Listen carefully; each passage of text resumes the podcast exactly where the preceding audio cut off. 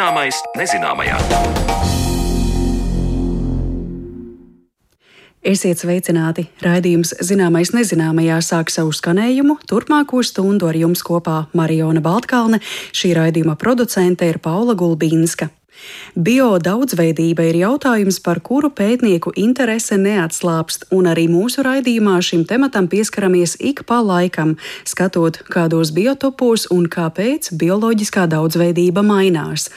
Šoreiz raidījuma otrajā daļā stāstīsim par saldūdens bioloģisko daudzveidību, par ko datus jau vairākas desmitgades vāc Latvijas zinātnieki.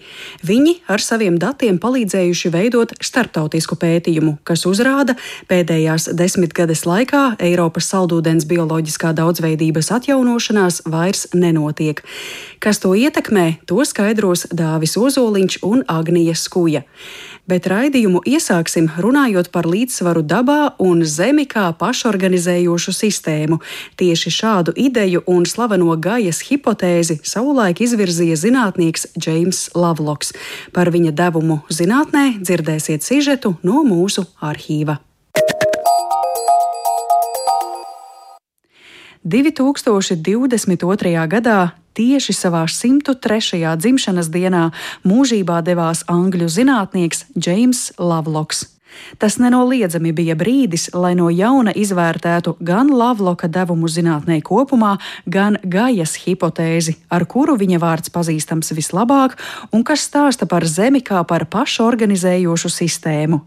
Lavloks tiek dēvēts par celmlauzi zinātnē, par klimata pāreģi, taču viņa atzinumiem bijis arī daudz kritiķu.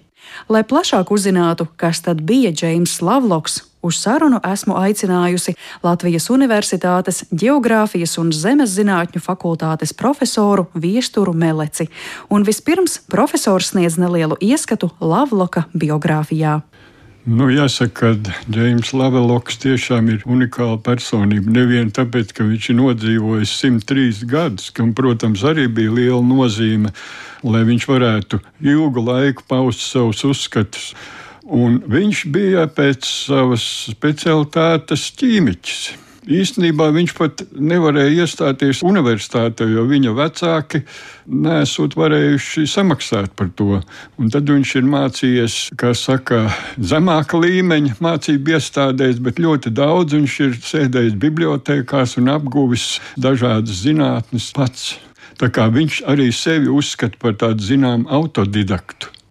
Viņš bija arī liels izgudrotājs. Viņš izgudroja mm, savā laikā tādas ierīces, kuras mūsdienās varbūt ir modernākas, bet viņš tāds vienkāršs prototyps izgudroja vielu un gāzu reģistrācijai.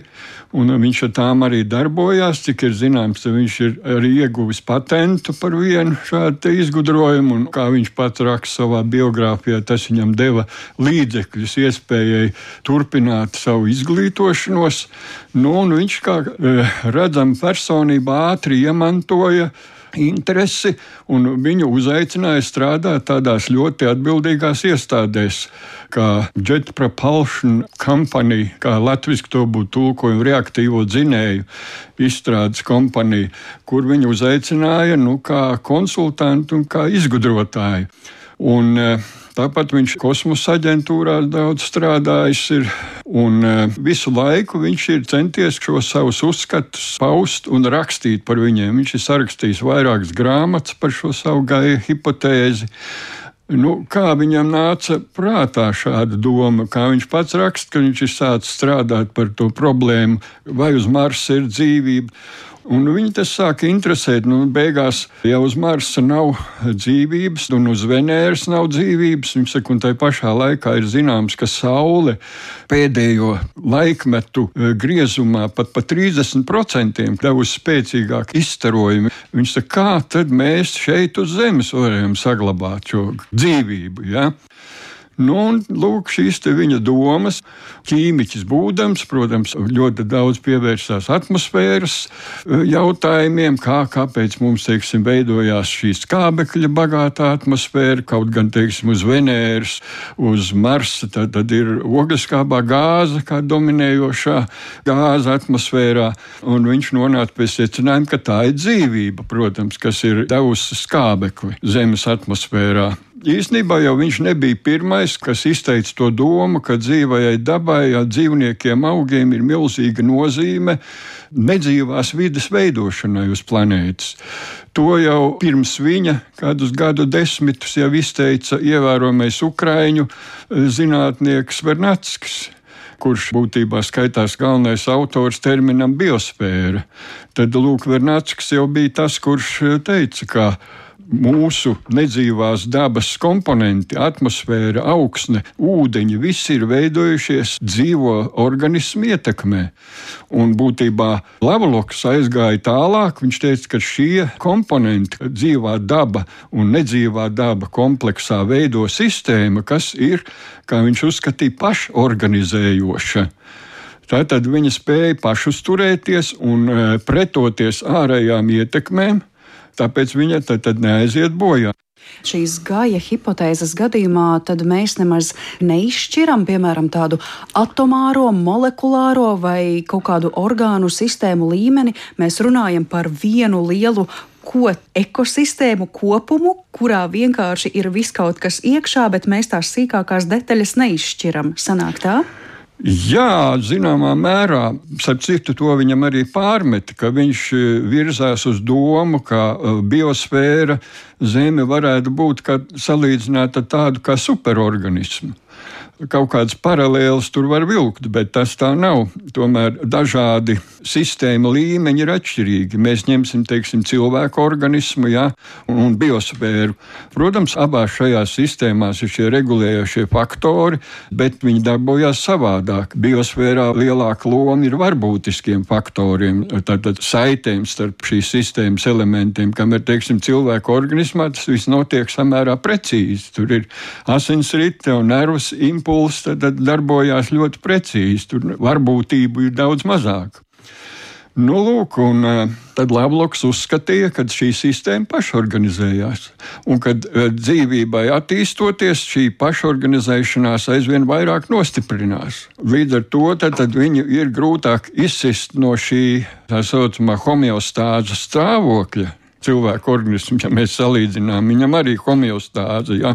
Mēs zinām, ja mums vairs nav homeostāze, tad mums kaut kas notiek. Temperatūra paaugstinās, mēs slikti jūtamies un tam līdzīgi.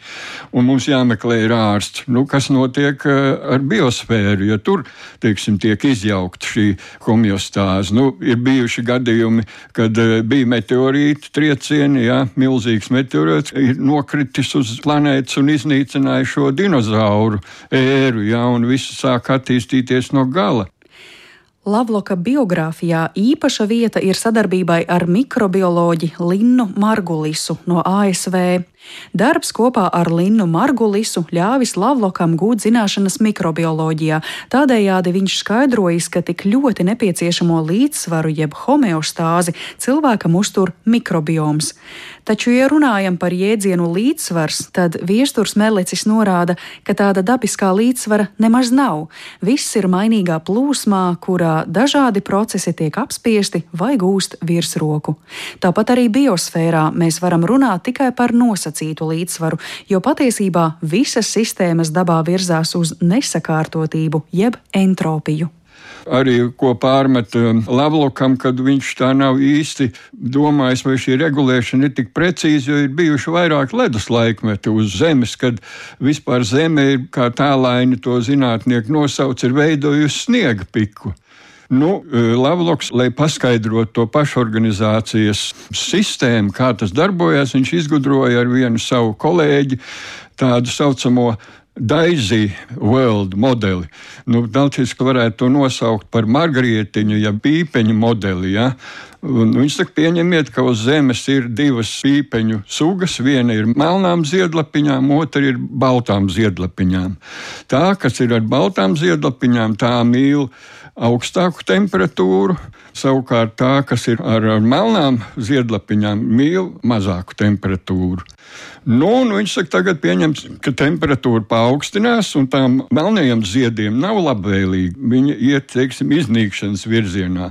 Bet uz tā rēķina nu, uzplaukst tā uh, gaišā forma. Ja? Bet ko gaišā forma savukārt viņai ir liels albēdo, atstarošanas spēja, un viņa atstaro šo siltumu un līdz ar to temperatūra krītās. Un tagad, kad temperatūra krītās, atkal uzplauk šī tumšā forma. Nu, tālāk, mainoties šīm abām sugām, viņu proporcijām, mainās temperatūra, tā viņš tā vienkārši paskaidroja, kā notiek šī pašregulācijas e, sistēma. Nu, protams, ka šis modelis ir stipri vienkāršots, viņam ir bijuši vairāki arī citi modeļi. Viens tāds modelis ir CLAW, jeb kleju, angļuiski, ja mēs to raksturotu.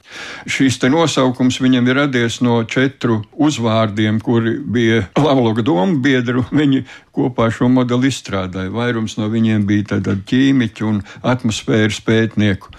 Tad, nu, kā šis modelis darbojās? Tad, tad okeānā ir aļģes, Viņš pieminēja tādu daļu grupu kokolitoforīdi, kuri tad, tad attīstās okeāna ūdenī. Viņi tur ļoti daudz, un jo vairāk ir gaismas un saules siltuma, jo viņi intensīvāk tad, tad eh, vairojās tur. Bet šīs aiģes lūk producē dimetilsulfīdu ūdenī. Un izrādās, tas dimetilsulfīds izgaro no ūdens virsmas un paceļās atmosfērā. Nu, un atmosfērā viņš tur pārveidojoties par uh, sēra dioksīdu, un savukārt sēra dioksīds pilieniņu veidā uh, koncentrē ap sevi nu, tā, tad ūdeni un ūdens tvaikus, un līdz ar to veidojās mākoņi.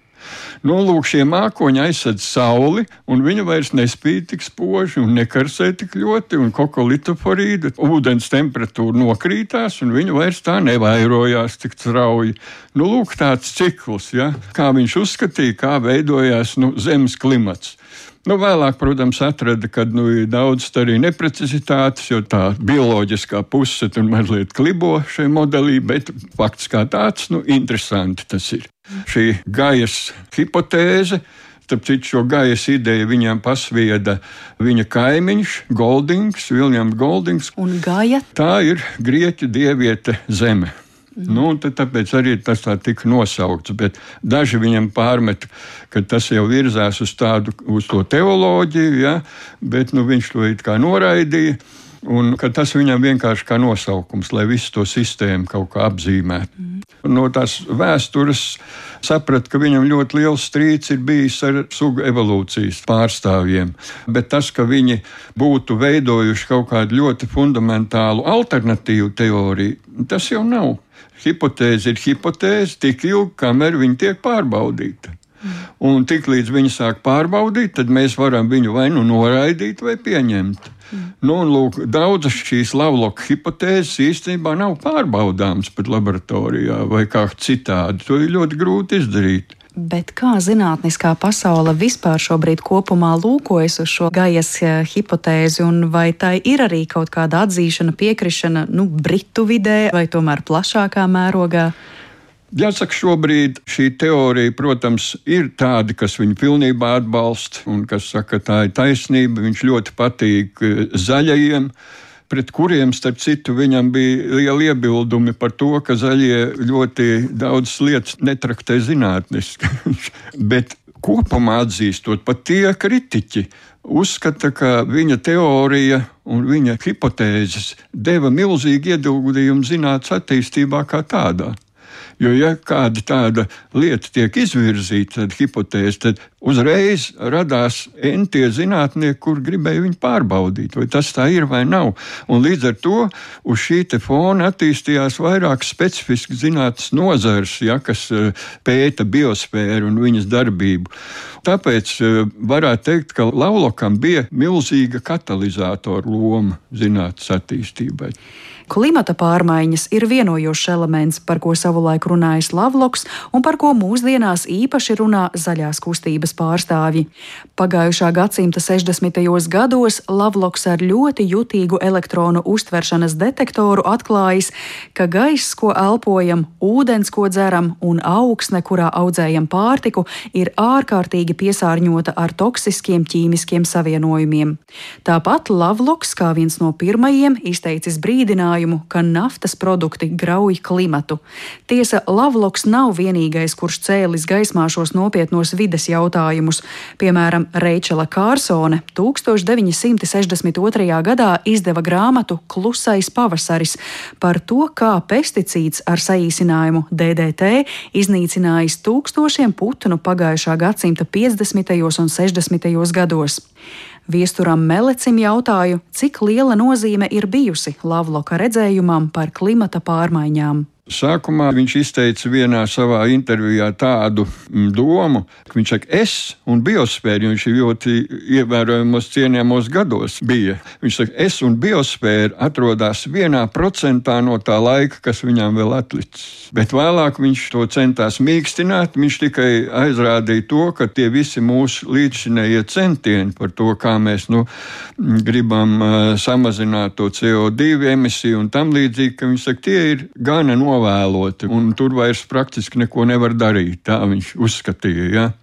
Bet par to, kā šī biosfēra attīstīsies, nu, viņš nebija tāds ļoti precīzs šai ziņā, lai pateiktu, kad vai viņa aizies bojā, vai viņa kaut kādā veidā saglabāsies. Viņš paļāvās uz tiem iekšējiem mehānismiem, par kuriem viņš bija pārliecināts, ka tādi eksistē šajā sistēmā, kuri kaut kādā veidā varētu šo sistēmu atgriezt kaut kādā līdzsvarā, lai viņi galīgi neaizietu bojā. Bet kādas būs sekas teiksim, cilvēkam, ko būs jāpārdzīvo, par to viņš eh, īsti nerunāja. Nu, mums pietiktu viena šāda trieciena, ko dinozauri saņēma, ja, lai mēs tiktu totāli atsviesti atpakaļ cilvēks pirmvēsturē. Ja. Un nekādi pašregulējošie mehānismi. Nu, tur nekādi pašregulējošie mehānismi nestrādā. Tas ir skaidrs. Un, jā, arī starp citu par epidēmijām viņš runāja, kad cilvēku skaitam pieaugot,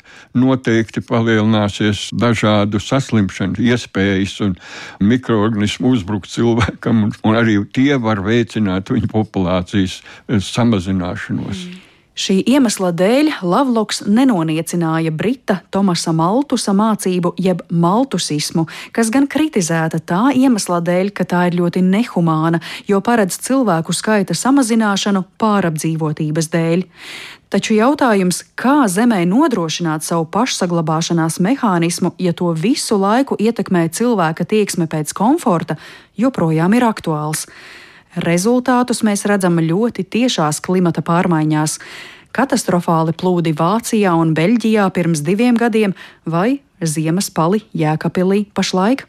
Cilvēks ir tāda būtne, kas acīm redzot nonāk pie nepieciešamības kaut ko risināt, tad, kad ūdens smeļās mutē. Kamēr tas vēl nenotiek, tikmēr viņš saka, gan jau, gan jau, gan jau kaut kā.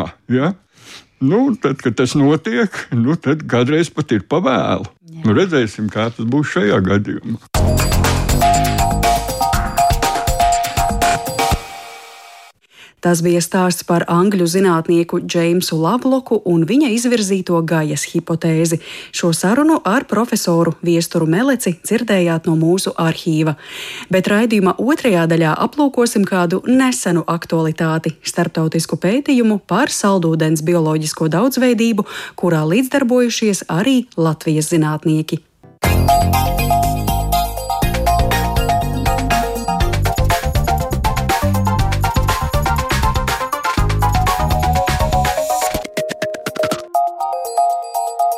Zināmais nezināmajā. Starptautisks pētījums ziņo, ka Eiropas saldūdens bioloģiskās daudzveidības atjaunošanās pēdējās desmitgades laikā vairs nenotiek. Latvijā tas novērots Salacā, Angurē un Rīgas ūdenskrātuvē. Pētījums publicēts žurnālā Nature, un tā tapšanā piedalījušies arī latviešu pētnieki. Kādi būtu pieminētās problēmas cēloņi, to noskaidrosim sarunā ar studijas viesiem, un pie mums ciemos šodien Latvijas Universitātes bioloģijas institūta hidrobioloģijas laboratorijas pētnieks Dāvis Ozoliņš. Labdien! Labdien! Un arī šo pašu institūtu un laboratoriju pārstāv vadošā pētniece Agnija Skuja. Labdien! Labdien! Jāsaka, mēs pēdējo mēnešu laikā visai daudz mūsu raidījumā runājam par bioloģisko daudzveidību, un, piemēram, pavasarī esam runājuši par vērienīgo dabas skaitīšanu, kas uzrādījusi ne tos labākos rezultātus par dažādiem biotopiem, tostarp saldūdeņiem. Tāpat mēs šovasar esam stāstījuši par satraucošu tendenci, ko uzrāda satelītu dati, proti, ka pasaulē pēdējās desmitgadēs ezeru apjomi ir sarukuši uz pusi, un nu, un vasara vēl nav galā, un mēs atkal atgriežamies pie ūdens tēmas, konkrēti bioloģiskās daudzveidības saldūdeņos, un pie pētījuma, kurā līdzdarbojāties arī jūs. Kas tad šoreiz tika pētīts? Cik ilgā laika posmā, kuros reģionos? Šis pētījums aptver um, 22 Eiropas valstis.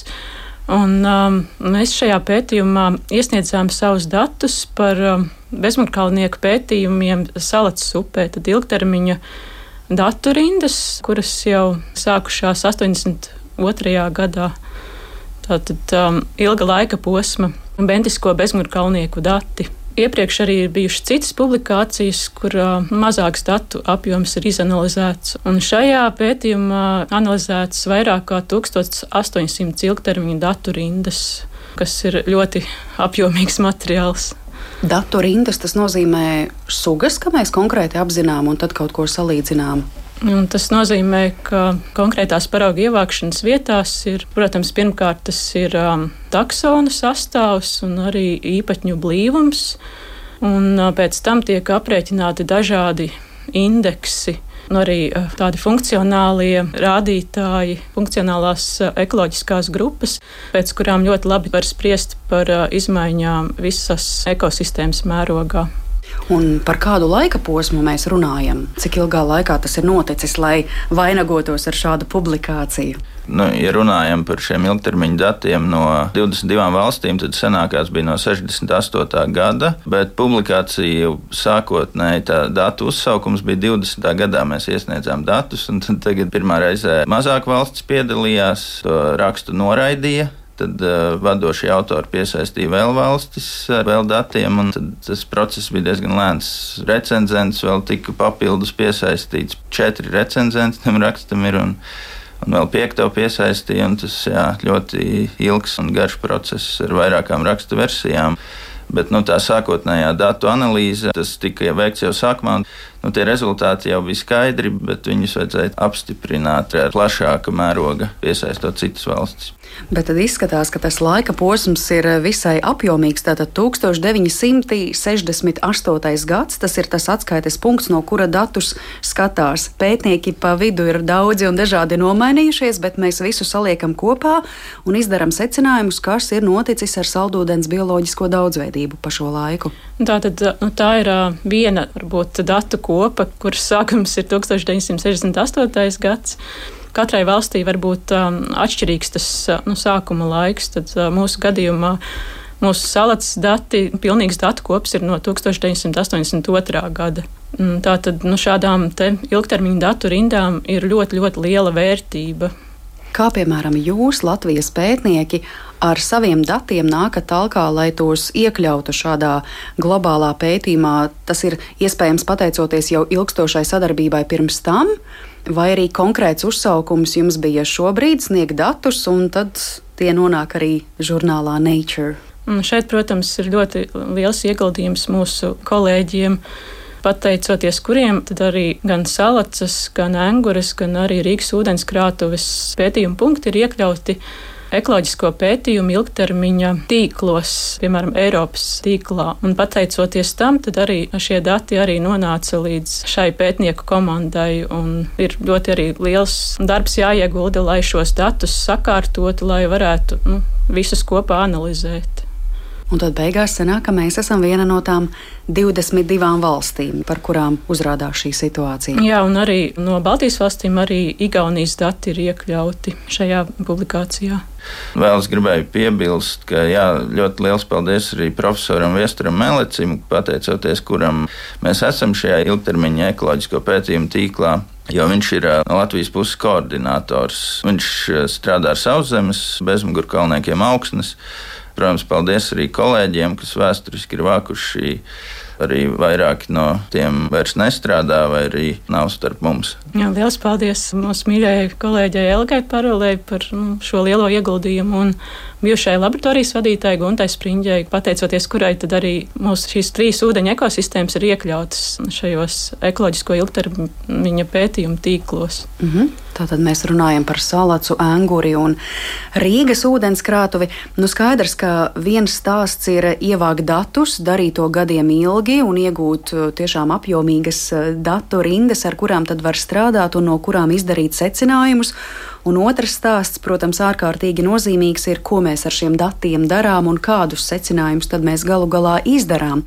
Nu, lūk, par to arī šodien plašāk, jo, protams, ka šī bioloģiskā daudzveidība saldūdenī ir skatīta arī Vācijā, un, piemēram, Zenkenberga institūta pētnieki, tātad no Vācijas, sadarbībā arī ar citiem pētniekiem, tostarp jums, secinājuši, ka no 1968. gada, tas bija tas gads, ko jūs, Dāvi, minējāt, līdz 2020. gadam bioloģiskā daudzveidība upju sistēmās mūsu jau pieminētajās 22 Eiropas valstīs ir ievērojami palielinājusies, un tajā pašā laikā zinātnieki brīdina, ka šī pozitīvā tendence kopš 2010. gada ir apstājusies, un daudzas upju sistēmas nav spējušas pilnībā atjaunoties.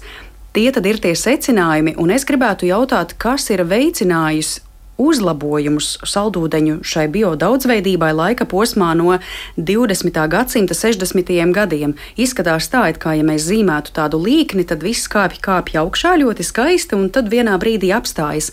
Kas bija tie veicinošie faktori, ka viss tā labi attīstījās? Te ir jāņem vērā, ka tie ir visas Eiropas dati, un, un Eiropas Savienība ir daudz senāka nekā mūsu novērojumi, un tie viņu dati arī varbūt ir pamatā tam. Nu, ir tāda Eiropas ūdeņu struktūra direktīva, kura ir izveidota 2000. gadā.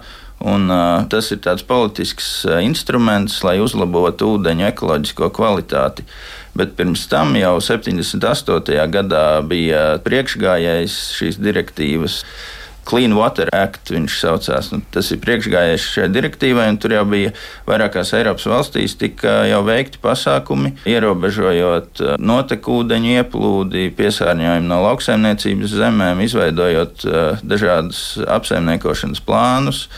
Un šādā veidā tā ekoloģiskā kvalitāte un bioloģiskā daudzveidība atgriezās upēs. Jo nu, tās ietekmes ir ļoti kompleksas, kas uz ūdeņiem ir. Bet nu, Latvijas gadījums tas noteikti būtu Padomju Savienības sabrukums. Un, Tomēr tie iemesli ir reģionāli. Varbūt tā kopaina ir vienāda, bet iemesli var atšķirties. Bet, ja jūs pieminētu Padomju Savienību, tad te arī tas stāsts būtu par kādas saimnieciskās darbības ietekmi uz saldūdeņiem. Tieši tā varam uzskatīt, ka no 60. līdz 80. gadiem bija ļoti intensīva lauksaimnieciskā mēslojuma lietošana, kad ļoti bagātīgi lietoja Saudas gadījumā tad nu, vēl līdz mūsdienām var just šīs sekas, jo salats iztek no Būtnieku ezera. Un Būtnieku ezera satiksmes baseinā tad ir diezgan liels lauksaimniecības zemju īpatsvars, un no tām arī Būtnieku ezerā ieskalojās minerāli mēsli slāpekļa fosforu savienojumi. Šobrīd Burtnieka ezers um, katru vasaru var nu, teikt, ka zied, masveidā savairojās zilāļģis. Šis ezers ir um, ar ļoti sliktu ekoloģisko kvalitāti. Un tas arī ietekmē salats upes kvalitāti. Un sākumā salacē ir ļoti, ļoti lēns tecējums, un tad ir nu, ļoti liela šī Burtnieka ezera ietekme gan barības vielas, gan arī šī aļģu masa kādu laiku tiek um, nesta ar ūdens plūsmu. Un tad straujākajos posmos, kas sākas galvenokārt no mērniekiem, tad uh, nu, šī upe var cīnīties ar šo piesārņojumu un notiek paštīrīšanās procesi. Un arī vizuāli katrs varam redzēt šīs sekas. Šīs trauces uh, ir aizaugušas ar ūdens augiem, ir ļoti, ļoti liels aizaugums, tas ietekmē visu šo upes ekosistēmu kopumā tad sanāk, ka Eiropas kontekstā kādas šāda tipa problēmas tika apzinātas jau agrāk. Mēs vairāk sapratām, ka nav labi pēc padomju Savienības sabrukuma un kādus instrumentus mēģinājām iedarbināt, lai tos ūdeņus attīrītu, un viss iet uz augšu līdz ar to šajā līknē, un tad it kā pienāk šis 2010. gads, tas brīdis, kad it kā tā pozitīvā tendence attiecībā uz bioloģiskās daudzveidības palielināšanos sarūk.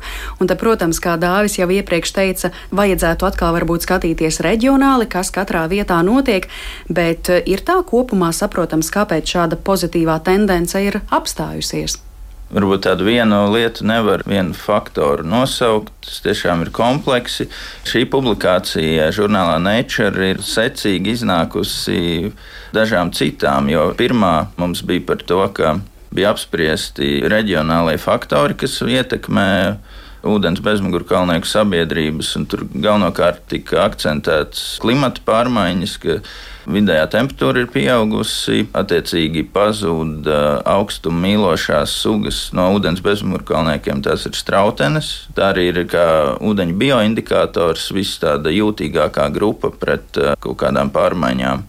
Un tad ir notikusi sugu nomaiņa. Tā varbūt arī mūsu gadījumā ir tas bioloģiskās daudzveidības pieaugums, jo nu, strautene, aiz strautnēm nākamās ir viendienītes, tā ir cita kukaiņu kārta. Un tās, nu, ja tā ņem kopumā, viņas ir mazliet tolerantākas pret piesārņojumu, bet tik un tā tās ļoti jūtīgi ūdens kukaiņi. Un, un mēs novērojam vairāk šīs viendienīšu sugas. Varētu būt, ka klimata pārmaiņas un temperatūras pieaugums, darbojoties kompleksā ar šiem biogēniem, varētu būt tas faktors galvenais. Vienas sugas aizvieto ar citām, bet bioloģiskās daudzveidības pieaugums novērots. Mēs to nevarētu pateikt tikai no mūsu datu rindām, bet pievienojot tos kopā, jo nu, tur tomēr statistiskās analīzes vajadzīgas. Varbūt arī nevar kā ar cirvi pateikt, ka Latvijā ir tā, bet nu, kaut kādas tendences mēs varam novērot. Jā. Mm -hmm. Es tieši par šiem indikatoriem gribētu arī mazliet plašāk parunāt. Agnija minējāt sākumā bentiskos dzīvniekus, tātad datu rindas par bentiskajiem dzīvniekiem tika piedāvātas un šie dati iekļauti kopējā pētījumā. Man ļoti gribētos uzzināt plašāk, kas tad īsti ir šie kopumā bentiskie dzīvnieki un kā tie kalpo kā indikātori. Vienkārši ar to, ka viņi vai nu šajā ūdenī dzīvo vai nedzīvo, vai tas ir plašāks stāsts. Bediskie bezkonkalnieki tātad um, tie ir um, ūdens uh, iemītnieki, kas apdzīvo gultni. Mēs sakam bentiski, jo gultni mēs saucam par bentāli. Tā sarežģītāk lietojot hidrobioloģiskos terminus. Tātad šie bezkonkalnieki var ierakties substrātā, piemēram, dūņās vai arī uz uh, gultnes dzīvot visdažādākā veida substrātiem, uz akmeņiem, uz augiem, koksnes, aļģēm un arī mākslīgā substrāta. Un tad uh, ietver uh, gan uh, kukaiņu kāpurus, tātad kukaiņu kāpuri ļoti, ļoti ilgu dzīves laiku proporcionāli pavada tieši ūdens vidē. Tad parasti pavasarī izlido un salīdzinoši ļoti īsu laiku pavada kā lidojoši sauszemes kukaiņi. Tad arī pieskaitāms ir, protams, dēles, planārijas, vēžveidīgie posmtārpi, hidras. Vēl tādi sugām mazāk bagātāki tipi, kā sūkļi, sūneņi, arī matoņi, nematodes, gliemeži, gliemenes. Un šie visi organismi arī kalpo kā indikātori, lai mēs saprastu, vai šajā saldūdenī ir gana liela bioloģiskā daudzveidība. Un tieši šī grupa ir viena no vislabākajiem tekošu ūdeņu indikātoru grupām un arī visbiežāk pielietotā, jo katrai Eiropas valstī ir jāveic ūdeņu ekoloģiskā stāvokļa novērtējums, un tad arī ir noteikts, ka arī šī grupa ir jāizmanto dažos ūdeņos katru gadu. Lielākajā daļā reizi sešos gados izmanto šo grupu. Un, protams, ka katrai sugai ir specializācija noteiktai dzīves videi. Un tad ir jutīgākas grupas un uh, izturīgākas grupas. Un tad pie šīm jutīgākajām pieder tās, ko jau Dāvis minēja. Tad vis visjutīgākā ir strautenes. Tas arī ir augsts ūdeņas mīloša grupa. Un tad arī minētās viendienītas, viendienīšu kāpuri, maksteņu kāpuri un vēl citas grupas. Un tad ir pretēji izturīgākās grupas, tad tur būs, nu, piemēram, no vēžveidīgajiem tāda interesanta suga ūdens ēzelītes, kas praktiski visos ūdeņos sastopams. Būs arī trīsļodu kāpuri, masartārpi. Nu, tas būs tas otrs gradienta gals, tās izturīgākās grupas. Protams, ka dabā nu, nav tik krasa robeža, un arī no šīm grupām, no trīsļodiem un masartārpiem, arī var būt kādas jutīgās sugas, kas var straujos ūdeņos vai avotos ierakties sedimentos. Tas ir līdzīgi kā ar ķērpiem, ka tur, kur gaiss ir tīrāks, tur ķērpji tā bagātīgi augs uz kokiem. Un, ja mēs no laukiem tagad ierodamies Rīgā un apskatām kokus pie lielajām ielām, nu, tad tur ar tiem ķērpiem būs tā pašvaki. Līdzīgi ar šiem bezmugurkalniekiem, ka tādos netīrākos ūdeņos, kurus ir vairāk ietekmējusi augsta temperatūra vai šie lauksaimniecības zemju radītie piesārņojumi, tad tur atkal to organismu būs mazāk. Nu, līdz zināmam brīdim, kad uh, ir šis organiskais piesārņojums, arī var uh, nu, tās līknes iet uz augšu, var pieaugt gan sugu daudzveidība, gan arī īpaņu skaits. Nu, pēc tam iestājās tāda kritiskā fāze, un tad sarūk um, sugu skaits. Ir kādas dominējošās sugas, kurām ir ļoti labvēlīgi apstākļi un uh, aizņem nu, lielāko daļu tās populācijas. Šajā pētījumā, kas e, ir nonācis e, žurnālā Nature, kas tur ir konkrēti stāstīts par bezmuguru kalnieku stāvokli šajās desmitgadēs, kad sākumā tā līkne, kā mēs iepriekš runājām, pozitīvi kāpa uz augšu attiecībā uz bioloģisko daudzveidību, un tad apstājās. Ticu, ka šeit atkal ir jāņem vērā valstu konkrētās situācijas, bet kopumā varbūt kādas ir tendences ja runājam par bezmuguru kalniekiem. Un nu, šajā rakstā nu, tādas trīs lielās kategorijas, ko analizēja, bija taksonu skaits, funkcionālo grupu daudzveidība un īpatņu blīvums. Un tad uh, visām šīm trīs kategorijām bija tendence pieaugt uh, katrai par nedaudz atšķirīgu daudzumu gadā. Un pēc tam iestājās tā plato fāze, kad vairāk šo pieaugumu nekonstatēja. Un tad šo pieaugumu skaidroja kā bioloģiskās daudzveidības atjaunošanos. Latvijas gadījumā pieminējām jau salacu, anguri, Rīgu. Jūs arī teicāt, ka Latvijā e, šie apsekojumi ir sākušies jau no 80. gadiem, vai mēs šo laiku kā atskaites punktu attiecinām uz visām šīm trim vietām, vai tur šie novērojumi sākās jau 80. gados, vai kaut kur agrāk, kaut kur tikai pēdējos gados? Salacā ir no 82. gada, un šajā pētījumā tad vēl jāuzsver, ka ir tikai šie nu, salacas dati iekļauti. Jā, jau analizēti upju dati. Un uh, angurus mēs nevarējām iekļaut. Tas ir ezers un uh, Rīgas ūdenskrātuve. Nu, jā, tā ir pārveidota. Uh, Tā ir ūdenskrātuve. Lai gan dati mums ir par Rīgas ūdenskrātuvi pirms tur bija ūdenskrātuve 67. gadā. Ir. Un tad tieši tas uzpludinājums tur radās. Bet nu, jā, tādus mēs nevarējām šajā gadījumā izmantot. Tad sanāk, mums Daugavā ir senākie dati, un Angurē ir no 95. gada par šo salacas upi, ar ko tā ir tieši īpaša, kāpēc eh, tā ir izvēlēta jau gadiem ilgi šādiem apsekojumiem un attiecīgi lieliski derēja arī šādam pētījumam. Lai gan e, iepriekš stāstīju par e, lielo ietekmi uz Burtnieku ezeru, bet nu, pašā salas baseinā ir salīdzinoši daudz nu, tādu nu, dabisko teritoriju, meža zemju, un uh, šīs antropogēnās ietekmes ir mazāk nu, tieši salas upes krastos un tajā platībā, kur salas iegūst ūdeņus paplašinot skatījumu salats, tad tā arī ir ļoti nozīmīga lašveidīgo upe Eiropas mērogā ar dabiskajām lašveidīgo zivju populācijām. Un arī šis upes tecējums tāds atšķirīgs. Tas upes sākums izteka vecatē ir tāda lēnāka līdz uh, masalacai, un tad ir sākas posms ar um, smilšakmens atsegumiem un alām tāds interesants. Un, uh, tad arī tālāk tā upe ir diezgan mērena tecējuma, un tad no mērniekiem līdz uh, veclacai ir uh, straujie posmi. Protams, upju ekosistēmas un, un saldūdeņu kopumā tādā plašākā mērogā ir raksturīga ar ļoti, ļoti lielu bioloģisko daudzveidību, lai gan kopumā saldūdeņi vispār aizņem mazāk kā 1%. Un šie dabiskie posmi Un straujie posmi arī atbilst uh, Eiropas nozīmes aizsargājumam, biotopam, upju strauteces un dabiski upju posmi. Un arī salats ielē ir uh, aizsargājumā teritorija. Un kopumā strauji mīlošās sugas, tad ne tikai šie bezmurkalnieki un zivis, bet arī augu sugas. Un šie strauteču posmi ir unikāli ar strauji mīlošajām sugām, kas, protams, nespēja dzīvot cita veida biotopos ar mazāku straumas ātrumu visai unikāla tāda upe izklausās. Salīdzinot salacu ar citām Latvijas upēm, vai, piemēram, tad, kad eh, tas tiktu darīts, apsekot eh, bioloģiskā daudzveidība Latvijas upēs vai vispār Latvijas saldūdeņos, vai būtu vispār viegli salacas upi tad salīdzināt ar citiem saldūdeņiem, ja tā ir, nu, tik īpaša gan ar savu tecējumu, gan sugām?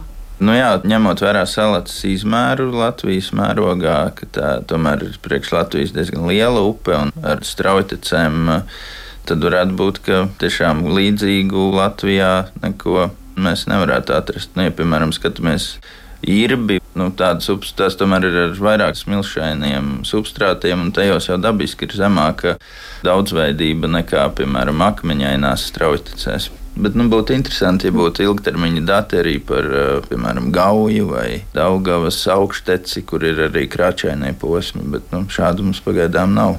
Tie ilgtermiņā tomēr tā ir lēna zinātne, un tur jāpateic tiešām visiem bijušajiem eh, kolēģiem un visi, kas ir piedalījušies datu vākšanā. Šobrīd jau mēs tikai to turpinām. Par eh, rekomendācijām no pētnieku puses, ko saka šis pētījums, kā rīkoties, lai šī bioloģiskā daudzveidība vēlams arī tomēr pieaug, kas būtu jādara? Mm, protams, ir jārūpējās par piesārņojuma apjoma samazināšanu, un vēl joprojām ir jāuzlabo notekūdeņu attīrīšana un arī jāsamazina punktveida avoti Ko tieši nozīmē šie punktveida avoti? Tas apzīmē šo notekūdeņu ietekmi, bet nu, ir tādi konkrēti avoti, no kuriem var identificēt, ka ieplūst ūdeņos. Mm -hmm. Ne visur ir iespējama centralizēta notekūdeņu savākšana, bet arī nu, ir jārūpējās, lai nenonāktu upes ūdeņos neatīrīt tieši nu, notekūdeņi. Un, nu, kopumā, ja mēs skatāmies plašāk, tad uh, ir arī cita veida ietekmes, tad nu, salicē ir paveicies, jo nav neviena uzpludinājuma. Ir nu, tāds šķērslis palicis taicelē, bet nav tādas lielas ietekmes kā nu, citām upēm. Un, un, ja upes ir taisnotas vai ir kādi šķēršļi, tad, ja ir iespējams, ir nu, jāveic pasākumi un jāuzlabo. Un, un šobrīd arī piedalāmies tādā praktiskā projektā, esam vieni no dalībniekiem notiek live projekts Goodwater IP, un tad šajā projektā tiek meklēti dažādi risinājumi, kā uzlabot. Un veicot uh, praktiskas darbības un arī uzlabojums ūdeņu pārvaldībā. Un tad šajā projektā arī tiek gultnes demo objektos atjaunotas un arī gultnes substrāts, lai uzlabotu vidas apstākļus visām grupām un arī jo sevišķi zivju sugām, lai būtu labvēlīgi apstākļi. Kā būtu ar lauksaimniecības zemēm? Mēs pirmīt runājām par Padomju Savienības ietekmi un ķimikālijām, kā šobrīd ir ar mēslojumu, pesticīdiem, kas iespējams no lauksaimniecības zemēm ienāk upju ūdeņos. Ir tas vērojams? Jā, tur varētu tas risinājums būt tomēr, ka buferu joslas platums, kas aizsargā, lai tās barības vielas no lauksaimniecības zemēm neieskalojās upē, un iespējams arī kaut kādi risinājumi arī šī Life uh, Goodwater IP projekta ietvaros ar uh, meliorācijas sistēmas uzlabojumiem, piemēram, veidot uh, upes krastu, nu, lai viņš nav slīps, bet ar kaut kādu kāplīti, lai nu, tas pataisno lietus laikā viss neieskalojās uh, ūdeņos. Tur galvenokārt lielupes baseinā ir lauksaimniecības lielākā ietekme Latvijā. Un vispār, ja Latvijas vidas geoloģijas, meteoroloģijas centra monitoringu mēs skatāmies un uh, upju basēna aizsardzības plānus, tad uh, labā augstā kvalitātē ir tikai trešdaļa no Latvijas virsmas ūdeņiem, un tas nav daudz. Ir vēl daudz praktisku darbu un risinājumu priekšā arī uz tādu saimniecības jautājumu sakārtošanu un kā tās upes pasargāt. Visbeidzot, kā ar invazīvajām sugām. Mēs runājām par indikatoriem, viendienītes, strautenes, makstenes, dažādi citi bentiskie bezmugurkalnieki vai arī kādi invazīvi organismi varētu apdraudēt šo daudzveidību. Salātas upē jau ir sastopams vairākas invazīvās sugas, un viena no plašāk izplatītājām ir mainīgā sēdgliemene, jeb dreisena polimorfa, kurā ir bagātīgas populācijas Burtnieku ezerā un arī salats iztekā no Burtnieku ezera vecatē. Tad, nu, tad mums ir šis pirmais monitoringa punkts, un tad katru gadu mēs upes vidusdaļā konstatējam šīs gliemenes. Tā ir nu, svešzemes suga, bet um, arī veic um, tādu nu, pozitīvu ietekmi, jo ir filtrētāji un tad kā barības vielas, barības avotu izmanto planktoniskās aļģes un suspendētās daļņas ūdenī un filtrējot palīdz arī nedaudz kaut vai nu, šo ūdeni attīrīt. Jebkurā gadījumā dzīves vidi pārējiem tā tur neatņem. Nu, ir arī ietekmes Jā. negatīvas. Jā, piemēram, mūsu vietējās gliemeņa sugas ar šo sēdgliemeni apaug, jo tā veido tādas kolonijas. Un, Nu, noteikti jau ir klausītāji redzējuši tādu peldoties, un daudz kur šīs sēdgliemenes ir. Viņas veido tādu, nu, varbūt mazliet atgādina mazas mīdijas. Viņas tādā kolonijā aug gan uz akmeņiem, gan dažādiem cietiem zemūdens substrātiem. Bet, nu, tā negatīvā puse, ka viņas arī aug uz mūsu vietējām gliemeņu sugām, un tad viņas iet bojā tās mūsu gliemenes, jo viņas vairs nevar pašas baroties, jo tās sēdgliemenes ir apaugušas viņām pilnībā riņķī. Un vēl negatīvs aspekts, ka, piemēram, tajā pašā Rīgas ūdenskrātuvē kur ir šie caurplūdes kanāli, ūdens un iespējams arī turbīnas. Katru gadu pazemina līmeni, lai tīrītu arī no tām gliemenēm. Tie ir arī izdevumi un ekonomiski negatīvs no šīm gliemenēm ir ietekmē. Nu, protams, tā otra zināmā suga ir Amerikas signāla vēzis. Tas arī ir salacā novērojams. Jā, gan salacā, gan arī jaunupē un, un arī salacas pietekās, jo tas izplatības pirmais punkts bija Primas ezers, kurā mērķiecīgi šie vēži tika ielaisti un tad tālāk ir izplatījušies un salacas baseins ir šīs sugas populācijām bagātākais. Nu, ko tad, eh, kā turpmāk eh, attīstīsies jūsu darbs, tad jūs būsiet tagad eh, tie, līdzīgi kā jūsu kolēģi iepriekšējās desmitgadēs un cītīgi, es saprotu, turpinās veidot šīs datu rindas, lai saprastu, kas ar mūsu saldūdeņiem notiek, un projektu ietvaros arī izstrādātu kādas rekomendācijas, kā tad stiprināt upes, ko mums darīt vai nedarīt ar invazīvām sugām. Pirmkārt, jā, būtu noteikti jāturpina datorindas, jo nu, šis raksts jau nav beigas tam Tieši visam tā. pētījumam, un, un tur vēl daudz ko varētu atklāt. Un, Protams, būtu ļoti labi, piemēram, arī gada griezumā paskatīties, ne tikai vienā sezonā vākt tos paraugus. Nu jā, ka varētu šo biežumu palielināt, varbūt parādītos citas tendences, bet par projektiem un dažādām rekomendācijām, nu jā, protams, ka Mēs tur darbosimies, iespēju robežās, un noteikti arī ar kolēģiem no citām institūcijām un uh, vidas ministrijas iespējams noteikti ir rodami risinājumi, lai uzlabotu kopējo ūdeņu stāvokli Latvijā.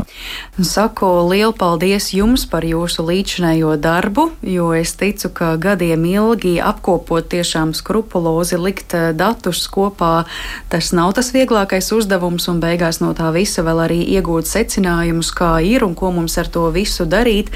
Arī tas prasa laiku, kā jūs dāvi minējāt, tā ir tāda ilglaicīga zinātne un prasa lielu pacietību. Un, jebkurā gadījumā ir tiešām liels prieks, ka Latvijas zinātnieku devums ir noderējis šādam lielam startautiskam pētījumam, un salacas vārds un Latvijas vārds tajā ir arī iekļauts.